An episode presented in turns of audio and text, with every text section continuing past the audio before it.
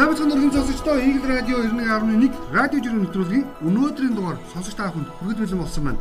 Жиргээчдийн өөр өөрсдийнх нь байр суурийг ямар өнцгөр илэрхийлвэ гэдэг мэдээлэл хуваалцад эфирийн улаан гэрлийг асааж бэлэн болгосон байна. За өнөөдрийн нэвтрүүлгийг дахиад Гамбайр миний би ганцаар хөтлөе явуулахаар болсон. Эркэ мань хувийн шалтгаанаас чөлөөтэй байгаа. Яа гэхдээ удахгүй буюу дараагийн нэвтрүүлгээр бид хамтдаа мэдээлэл аваалцад явах бүрэн боломжтой.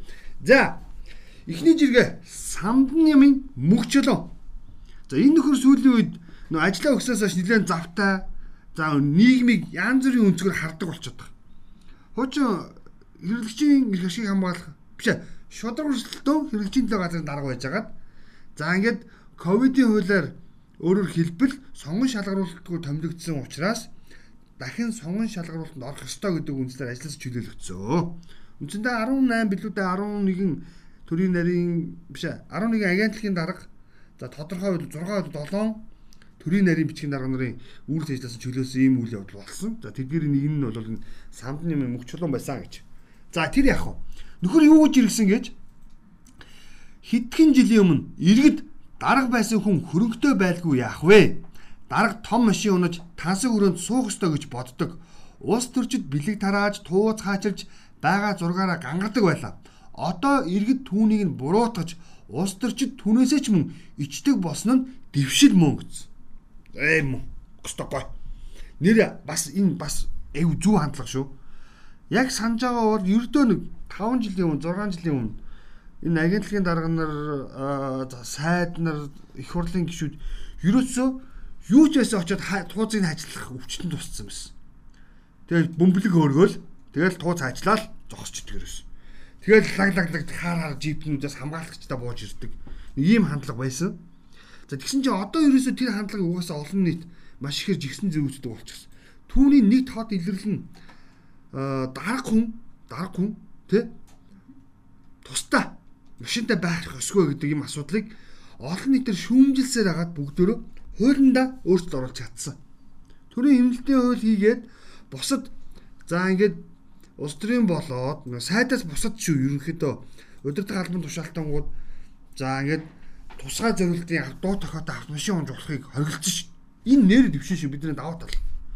Тэгээ бас нэг олон нийтийн шүүмжлэл бодтой бас бид нар хоосон яриад байдгүй шүү гэдгийг илэрлэл бол яа харахгүй энэ дарга нарын зарим тансаг хэрэгцээг тансан явдал муу муу. Тэгээ мөчлөө бас гой өнцгөр хардаг болчиход байгаа. Улс төрчид өөрсдөө тий хин нэгэнд хийх ёстой ажлаа хийснийхэн төлөө түүнийг хин нэгэнд зарлах нь өөрөө утгагүй үйл гэдгийг ойлгож хэлсэнд л үнэхээр баярлаад байгаа. Энэ дэвшид бид нар бүх зүйлийг бас тий муулаад улс төрчид гэхээр уваагүй хүмүүс гэж харж болохгүй. Уваагүй хүмүүс байгаа байлгүй яг бас өмөрөхгүй тэднийг. Гэхдээ гэхдээ нөхдүүд ийм байгаа шүү. Бас нэг засах нэг нь байгаа. За тэгвэл уваагүй улс төрчид гэж химбэ гэд мэдээж хэрэг бусдын боломжийг хулгайлж байгаа нөхдүүд бол уйг устэрч. Бусдын боломжийг хулгайлж байгаа. Ямар нэг юм жигээр шүү. Энэ хэлбэр бол зөндөө байна. Тэгэнтээ агаар нэг жиргэг зүгээр би ээгийн жиргээр илэрхийлэх гэсэн. Ээ гэж иргсэн. Иш арднаас Ж мөнх батнаар яллагдагчаар татагдсанаар Монгол ардын намын дүрмээр намын гишүүнээсээ түтгэлзэн улсын дахь бүлгийн хуралдаа суух эрхгүй болж байгаа. Дараагийнх нь хинбэ гэдэг ийм жиргээ явсан. За асуудлыг бүгдээрээ мэдж байгаа. Нэр бүхий улсын их хурлын 6 гишүүн бэлэн 7 илүү гишүүн нүүрсний их тодголтой хэрэг явдалд нэр нь холбогдсон. За энэний нэг нь улсын их хурлын гишүүн Арднасэд байсан. За Раднасэд гэдэг энэ гишүүн болвол би үүнд ямар ч хамааралгүй намайг күтэгдэж байна гэдэг агуулгаар за мэдээлэл тухайн цаг хугацаанд хийжсэн. За ингээд түүний хийсэн мэдээлэл гарснаас хойш прокурорын байгууллагаас гаргасан дүгнэлтээр үндэслээд за түүнийг яллагтчаар татаад одоо гагцгүй их хурл одоо хуралдаж нэр бүхий гişүүдийг яллагдагчаар татагдсан гişүүдийг чуулган их хурлын гишүүнээс чөлөөлөх асуудал шийдэх юм. А гэтэл өчигдөр сонин үйл явдал үргэлжлэн нь юу вэ гэвэл их хурлын гишүүн Ж Мөнхбат бас л энэ асуудалтай холбогдсон. Гэхдээ тэрээр энэ удаад бол холбогдохоос өмнө хамгийн анх холбогдчихсэн гэж хувийн шалтгаанаар гэдэг тогтолтоогоор их хурлын гишүүнээс өөрийн хүслээр чөлөөлөгдөх хүсэлтэй их хурлын дарга өргөн мэдүүлсэн. Тэгээд тэрээр юу гэж тайлбарлаж байгаа гэхээр хоёр шалтгааныг тайлбарласан. Нэг нь бол мэдээж хэрэг хувийн шалтгаан буюу за ээжийнх нь эрүүл мэндийн нөхцөл байдлаас хам улбалаад ээждээ бас асаргаа судалгаа хийх шаардлага үүссэн учраас чөлөөлж өгөөч гэдэг ийм хүсэлтийг нөгөө талдаа болохоор олон нийтийн дунд түүнийг за нүүрсний хулгай бусад мөнгө угаасан хэрэгүүдтэй холбож байгаа учраас жирийн иргэний өөр шалгуулах хүсэлтэй байна гэсэн ийм тодорхойлтыг бол хийсэн байлээ. За их хурлын гишүүн Ж Мөнх Батын хувьд бол бүгдээрээ мэдчихэе. Хамгийн үнэтэй цаг зүүж ийн гэж нэг хэсэг хил амд орчихсон. Юу лээ? 200 мянган доллар. Юу л би тоон амарчсан амар үнэтэй их тодоо доллараар хэмжигдэх л Монголд бол хэдэн зуун саяар үнэлэгдэх цаг зүүж исэн. Ийм гишүүнээр нэрлэгдэжсэн. За мөн хамгийн анх нүрс хулгайлж хулгайлдагчтай гэдэг асуудлыг одоогийн ерөнхийлөгч Ухнагийн хөрөлсөх парламент сууж байхдаа мөнх бат гишүүн лөө бас одоо бухимдлыг өгч болгодчихсэн чи ер нь мөнх хата хамгийн ихний одоо чи ер нь нүрсний булгаачтай гэж хэлж ирсэн. Тэр бүгдээр мэднэ. За тэрээр бас одоо өөрийнхөө хөрөнгөцсөн явдлыг би кино хийдэг хүн, кино зохиол бичдэг хүн, ном зохиол бичдэг хүн түүнээсээ олсон орлогоор амьдрдаг гэж өөрийгөө зөвтгөжсэн. Хамгийн сүүл бас нэг ичмэрч гэмээр нэг мэдээлэл хийжсэн юу гэхээр Жэмүгот миний биен за 2009 10 оны орчимд Америк нэгдсэн улсад сурж байхдаа казино тоглосон байдаг юм блэ. Тэгээд тэндээс нэг 100 сая доллар хоцсон үнэн юм блэ гэдэг мэдээлэл хийчихсэн. Тэгээд энэ мэтлэн түүний урд хойноо орсон мэдээллүүд түүнийг их хурлын гишүүнээс чөлөөлөгдөх шалтгаан болов гэж олныг хараад байгаа. Тэгээд бид эндээс юу хараад байна гэхээр ер нь бусдын боломжийг хулгайлахгүй болвол тэ ер нь бусдын боломжийг хулгайлахгүй бол болохоо болцсон нэг хэсэг бүлэг хүмүүс байгаад байгаа Тий. Эдгээр хүмүүстэй бид нар яах аргагүй хариуцлага тооцох хэрэгтэй. Тэгээ өх хурлын хаврын чуулган 3 сарын 15-нд эхэлнэ. За энэ 15-нд эхлэхээр нэр бүхий одоогоор 2 гишүүний чөлөөлөх асуудал яригдах нь. За 15 бол зайч нь лайч.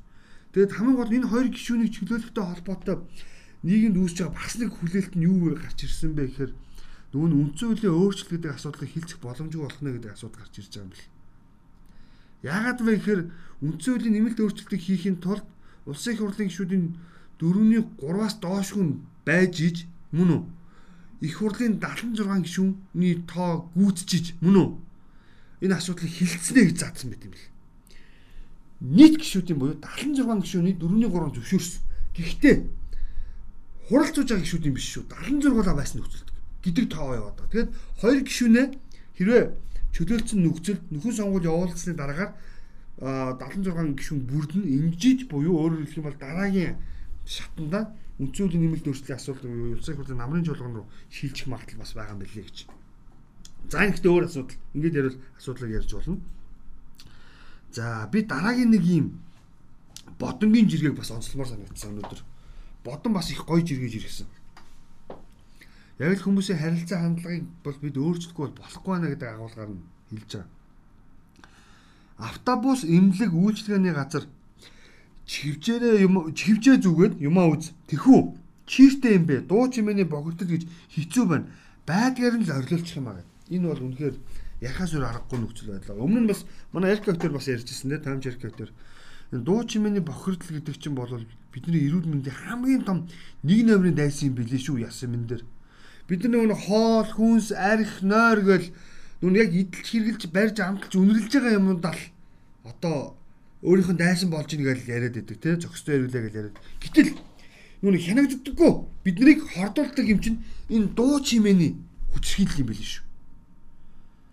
За автобусд нөгөө нэг миний дургу нөгөө хүмүүс чинь тий нөгөө хинч байсан нэгдүгээрт би гэдэг хүмүүс чинь байнга тэр нэр гайхаад байдаг. Энэ хувийн асуудлаа өөрийнхөө уцаараа л ингээд чихв зүгэл ярмаар. Гэтэл ингээд онлайнаар тий ингээд одоо Viber ч гэдэг юм уу, Facebook ч гэдэг юм уу ингээд энэ спикер дээр тачаад аа маань тий автобусанд явж гин. Энд гамбайр зогсож ирэх нь л олгүй байна. Яг үнэнд.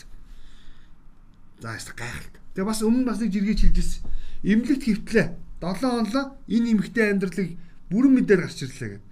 Яасан хэрэг ингээл имлэгт хүмүүс хөвч байгаа нэг их хөвчин гинэ. Өө ингээл ярддаг. За тийк. Сая муучлаа. Манай ажиглын хүнд эргэлт ирсэн тийм хоол идлээ. Өө тэр сайн юм ингээл тал амьдралаа ярьцдаг. Яагаад ийм юм бэ?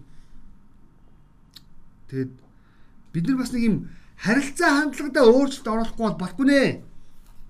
Яа харахгүй. За харилцаа хандлагатай өөрчлөлт оруулдаг жиргэг би энийг гоё өөдрөг жиргээгээр энэ бадам цэцгийн жиргэг онцлох гэж байгаа. Бадам цэцэг өстой гоё жиргэсэн. Би бүр хэлмээр санагдаад байгаа. Миний эргэн тойрон ч гэсэн бас нэг иймэрхүү хүмүүс бий. За эхлээд жиргэг уншина. Манай тэнхимийн эрхлэгч намайг бадмаа чи яг юунд ийм их ад жаргалтай байгаад инээгээд яваад идэг юм бэ гэж их гайхаж асууж байсан юм аа. Сая дэлгүүрийн ихч өнөөдөр сайхан зүйл тохиолдоо юу гэхээр яасан гэсэн жаргалтай харагдаад чиг шиг. Энэ улсад чинь жаргалтай байх гайхам үзэгдлүү гэсэн. Тийш. Би бас зарим хүнд хэлмээр санагддаг юм аа. Би ингээд энийгэл жоохон тэ одоо ингээд жоохон ингээд одоо өөрөө өөртөө ингээд урам өгөөд өөдрөг ингээд хүн байдаг шүү дээ. Тэр яасын яага баясаад байгаа ингээд тэгдэд өгөхгүй. Хөө яага баясч болтгүй юм бэ? Энэ харилцаа хандлагатай өөрчлөлт оруулаач. Нэр бадмаар гоё хэлсэн. Энэ улсад чинь жаргалтай байх тийм гайхам үзэгдэл юм уу гэд. Хүн гайхаад байх. Заавал бүгдээрээ стресстэй бухимдалтай байна гэд хөмсгөө загнаад карманда гараа игээд тэ газарт одоо нухны өгсөн шиг газар ширтэд явах ёстой юу? Хм? Та өөрөөсөө асуугаад үзээрэй эрхэм сонсогч та. Өөрөөсөө асуугаад үзээрэй. Зүгээр сайхан инээ. Инээ. Тэгээ нэг зүйл бас бардам бай. Та ямарваа нэгэн үйл хэрэгт эсвэл хин нэгний ярьж байгаа асуудал та өөрөө бичлэн оролцож өөрөө үг хэлээр юм яриаггүй бол тэр хүний таны тухай юу гэж ярих нь чухал биш шүү. Хайч. Зүгээр таягдаа хай. Зүгээр л инээ. Асуудал биш. Тэгэхгүй ингээл яана энэ намайг юугээд бодчих болоо энэ намайг юугээ ярьчих болоо гэж бодсоор байтал таны энэ өнөөдрийн амьдрал дууслаа. Тэрний оронд юмыг жоохон гэгээлгээр өөдрөгөр хараад те яадгийн давн туулна боолн бүтэн гэдэг зорилгыг бид нар бас тэг халаасандаа хийж чадахгүй ч гэсэн сэтгэлдээ тэгээд бас өөдрөг байцгаая гэж хэлэх гээд байгаа. Яг үндэ. Бадмаа баярлалаа. За энийг энийг за энийг жоохон байж байгаа. Одоо жоохон арай өөр. Туул 23 жиргсэн. Солонгосын одоогоо хүмүүс зөвлөж байгаа юм байна. Одоогор сөүлд ажилгүй олон хүн байхад битгий нэмж ирээд байгаарэ. Ирд зүгээр хөвтөх гэж байгаа бол байр хоолныхоо мөнгөдөө ирээрээ. Бусдын ажил хийж ядарч олсон мөнгнөөс идэнэ гэж байхгүй шүү. Хичнээн ах トゥ найд нөхөд ч гэлээ эвгүй штэ гэд. За энийг бас нөгөө харилцаа хандлага дээр зөвлөе бас. За яг очоод нэг 2 сартаа гайг бахоо те. Манай хин байгаа. Манай гамбайр байгаа. Өө манай дүү гамбайр байгаа. Манай найз гамбайр байгаа. Манай ах гамбайр байгаа. Миний садан гамбайр байгаа. Миний хуурай дүү, миний хуурай ах гамбайр байгаа гэж битгий найдаарай. Мөн үү? Нэр нь штэ. Яг л туул 23 гой хэлсэн. Тэгвэл яагаар ахгүй? Тэнд яг л бас л өөрийнхөө хувийн зорилгыг тээсэн залуучууд, хувийн зорилгыг тээсэн хин нэгэн те асал хуруу умсаа цаг нараа энэ гэр бүлтэйгээ байх амьдралаа үрээд ингээд байж хат нь тэрэн дээр нь очиж бас нэг ингээд дэвсэлж байгаа юм шиг тэрийг нь хумслаад явах. Магадгүй та танилын дээр очиж байгаа. Тийм бол магадгүй та танил дээр очиод тусламж ирээд дэмжлэг хүсэж байгаа бол үгүй ядаж тэ эргүүлээд эдсэн олонныхоо мөнгийг өгж сураарай гэж зөвлөх гээд байгаа маа. Яг үнэндээ. Тэгж чадвал бид бас энэ чинь харилцаа хандлага маань бие бинийгээ дэмжинэ. Тэг бид нар ингэдэг штеп. Аа таньдаг хүнээ дэмжинэ гэдэг маань үнгүй юм ахыг хэлдэг юм аа. Одоо гамбайр нэг талхны үйлдвэртэй байлаа гэж бодъё. За эсвэл гамбайр нэг юу гэдгийг ямарваа нэгэн хэлбэрээр нэг үйл ажиллагаа явуулдаг бизнес. Тэр тэрийг нь өө чи чинь өөр талхны тортны үйлдвэртэй байлоо. Надад нэг хүүхдийн төрс өдрөг болон торт өгчөөр гэж бити хэлэр. Би захиалаа. Төлбөр нийтэвээ заавал хэлж байгаа. Эн чинь тэр хүнийг дэмжиж байгаа юм аа. Энэ чинь нэг хэлбэр нь тэр энэ туул 23 хилээд байгаа жиргээ юм шүү гэж. За дараагийн нэг жиргээ. Өнөөдөр чи би одоо хайшаа дандаа ийм юу ийдэг юм уу? Юу гэдүүлээ? Сэтгэлгээгээ өөрчлөөрэй гэдэг жиргээ аваад ирсэн юм шиг байна. Аа тамир жиргэжээ. За эхлээд энэ аюу гой үзэх шүү заяа. Аа тамир. Би ээжигээ бодоод арх уудаггүй. Биеийг нь чилээж хүн болчоод сэтгэлийг нь чилээд яах юм бэ гэд. За энэ пост явсан доор нь манайхан хоёр хуваагдсан. За нэг хэсэг нь бол нөгөө нэг уламжлалт сэтгэлгээгээр ариун нандин их хүний хайр тэ одоо ээж хүн бол тэнгэрийн дээд бурхан заяа энтер гээл хэвээр явсан мэдээч хэрэг сэтгэлийн чилээхгүй байх гээл бүгдээрээ л мэддэг л нөгөө нэг логик сэтгэлгээг бол алдаршуулсан л да. Энийг үгүйсгэж болохгүй мэдээч хэрэг бид нар бас энэ хорвоод бас төрүүлж өсгсөн ээжийн ачийг хариулна гэдэг бол хичнээн сайхан тийм үү? Ээжигээ баярлуулна гэдэг хичнээн сайхан. Энэ бол яахаарахгүй бидний ярих ёстой юм. Хүндлэх ёстой юм. Нөгөө нэг сэтгэлийн мухарт те гээж болдоггүй хайр гэдэг бол тэр юм аа гэж. А гэтэл нөгөө талд нь юу явсан гэж? Манай нөгөө нэг минималист, материаллык тэгээ нөгөө нэг нөгөө зүүн зүүн на анти үзэлтэнгүүд юу гэж иргсэн бэ гэж. Тэгсэн чинь яг үүндээ бол энэ бодол энэ жиргээ бол нэг тийм пялдаг жиргээ байна гэж. Тэгэхээр би бас бодол зүгээр яг би тэр сэтгэлдүүд нь хуваалцаж байгаа шүү. Тэгээ юу гэсэн бэхээр миний саналыг харгалзалгүйгээр намайг төрүүлсэн шүү дээ. Миний саналыг харгалзалгүйгээр надад нэр өгсөн. Миний саналыг харгалзалгүйгээр амьдрах орчныг минь сонгосон. Миний саналыг харгалзалгүйгээр надад боловсрол олгосон гэж нэг хэсэг нь тайлбарласан байл. Бас нэр яагаад тийм одоо юу гэдэг одоо тийм байж болохгүй гэж. Бид нэр заавал төрүүлсэн ээж аавыгаа магтан дуулах гэхээсээ илүүтэй тэртлийн шүүмжлийг хай нэг урсгаж болохгүй уу? Тэ? Миний саналыг та харгалцсан уу гэд нэг шүүмж явуулаад үзээрэй. Бас л өөр бодол төрдөг юм билээ. Би тийм учраас сүүлийн залуучууд бас нэг хандлага нь хүүхдийг бас нэг хичээлээр шахахгүй байгаад байдаг болчиход. Өмнө нь бол чи онц сурсангүй. Одоо жишээлбэл нэг Давдэр Жавгаргийн үеийнхэн бол бүгдээ бол их зовлон үтсэн шүү дээ. Яагаад тэгэхээр Давдэр чинь 1981 онд төрсөн. Тэгээд тэрээр сумогийн дэвжээ нэр алдраа цөөрөдөлөхтэй зэрэгцээд 81 онд төрөсөд ер нь 80 80 81 оных их азуу хүмүүс юм. Төрөсөд яасан гэж чиний үеийнхэн тэнд Арлын Японд очиж дэвжээ гэж чи энд Ийш яана яана яана гэсэн. За бас яасан гэхээр чиний үеийнхэн те тэнд одоо одоо алтны магныг болцсон бахад чи энд яана яана гэжсэн. Чиний үеийнхэн Google компанид ажиллаж байхад чи энд яана яана гээгүүлсэн. Тэгээд яг тийм хүмүүжлэр өссөн хүмүүс чинь бас хүүхдүүд яг тэр хүмүүжлээ гаргах гэдэг юм билээ. Өөрөөсөө өөртөө олдоогүй боломжоо тий өөрийнхөө хүүхдэд шахах гэдэг. Тийм учраас би зөвд хэлээд байгаа хүүхдийн саналыг заавал авчаагаарай. Та ингээд багада балет чинь болох мөрөөдөлтэй байсан байж болох юм те. Тэгсэн чи ээж чинь чиний балет бүжиглэн гэж юу байдгийг яв тэр цэргийн сургуульд очиж сур гэд. Хөлийн зэрэгт ор те. Хууль сахиулах цагдаагийн дээд дор гээд цагдаа болгоцсон байж болох юм. Тэгээд өөрөө хүүхдтэй болоод гэр бүл зохиогоод ирснэ. Би ер нь балет чинь болоогүй. Нүнэ аав ээж намайг цагдаа болгоцсон шүү дээ. Аав ээж намайг цахилгаан чинь болгоцсон шүү дээ. Тэгэд өшөөгөө хүүхдээс аваад байдаг байхгүй. Чи энэ үн хөгжим сонголт сур. Чи төгөл төр уур заавал тоглож сур. Бити ингэж тэ өөрийнхөө одоо хүсэл мөрөөдлийг хүүхдэд бити шах. Тийм учраас магадгүй хүүхдээсээ санал асууч. Тийм учраас би энэ хэлээд шүү. Ихийн ачийг хайрлуул яах. Гэхдээ гэхдээ санал авдаг байгаарэ. Бас сонин сонин өнцөг шүү. Та бүхэн бас бодоод үзээрэй гэж хэлэх гэсэн. За энд нэг бас хөөрхөн жиргээ байсан. За. Оюуха. Оо юуха. Ирсэн зочиндоо уул боовоо идүүлдэг юм шиг түүндээ сүрхий ач холбогдол өгч нээрдэд яах юм бэ та нар? Юу н манайх энэ цагаан сар тэмдэглэдэг хэлбэр жаахан өөрчлөё. Дуртай амтатнараа өөрсдөө мэдээлэл засчиж болохгүй шүү, болдгүй юм шүү гэх. Энэ юу хэлэх гээд нэхэр нөгөө нэг төсвийн мөнгөөр ахмадуудад хэвэн бовд хараах гэдэг гэдэг шүүмжлийг өрнүүлсэн чинь та нар өөртөө аваагүй бол авч чадахгүй бол бити ингээ барьцаад буруутгаад байлаа гээл те нэг асуудал яригадаад. Тэгэхэд хэвэн бовонд гол нь биш юм аа. Энд чи хүндгэх хүндэтгэл уламжлал билет гэдэг агуулга яригдж байгаа. Хэвэн бов өгснөөрөө хүнд хүндэтгэл үзүүлж байгаа хэлбэр биш юм шүү. Хэвэн бов тарааснараа бусдыг хүндэлж байгаа хэлбэр биш юм шүү гэдгийг л ойлгуулах гэдэг. За яамаар чи гэдэг шиг тий нэр ирсэн хүн болгонд хэвэн боо өгдөг юм шиг хэвэн боонд ач холбогдлого сүйд оцгоодох. За яа энд дахиад харилцаа хандлагын жиргээ олоод ирч. Өнөөдөр чи би яатсан бэ гэдэг шиг. Зүгээр л амьдрал гэдэг хаягнаас жиргсэн. Энэ өстой гоё жиргээ.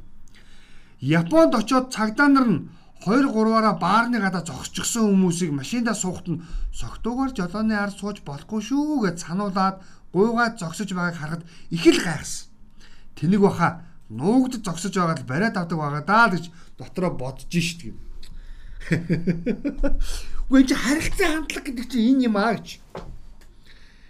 Нөө миний цагна миний цагдаа намайг хамгаална гэдэг нөхдүүд бол яаж яаж байгаа гэхээр яг хамгаалж байгаа л да бас өгөөсгөж болохгүй. Гэхдээ нөхдүүд дийлэхдээ яадаг вэ гэхээр бэж бэж бэж бэж ээ гэдэг яг үйл хийсний дараа нөө шидэд биржих гараад ирдэг дон гэл.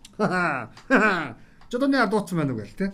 Эсвэл нөгөө нэг юм болон тойрооч гэдэг юм уу одоо хөдөө хол зам давж байвал юм гүөд гүү мөвөний ар зогсож идэг.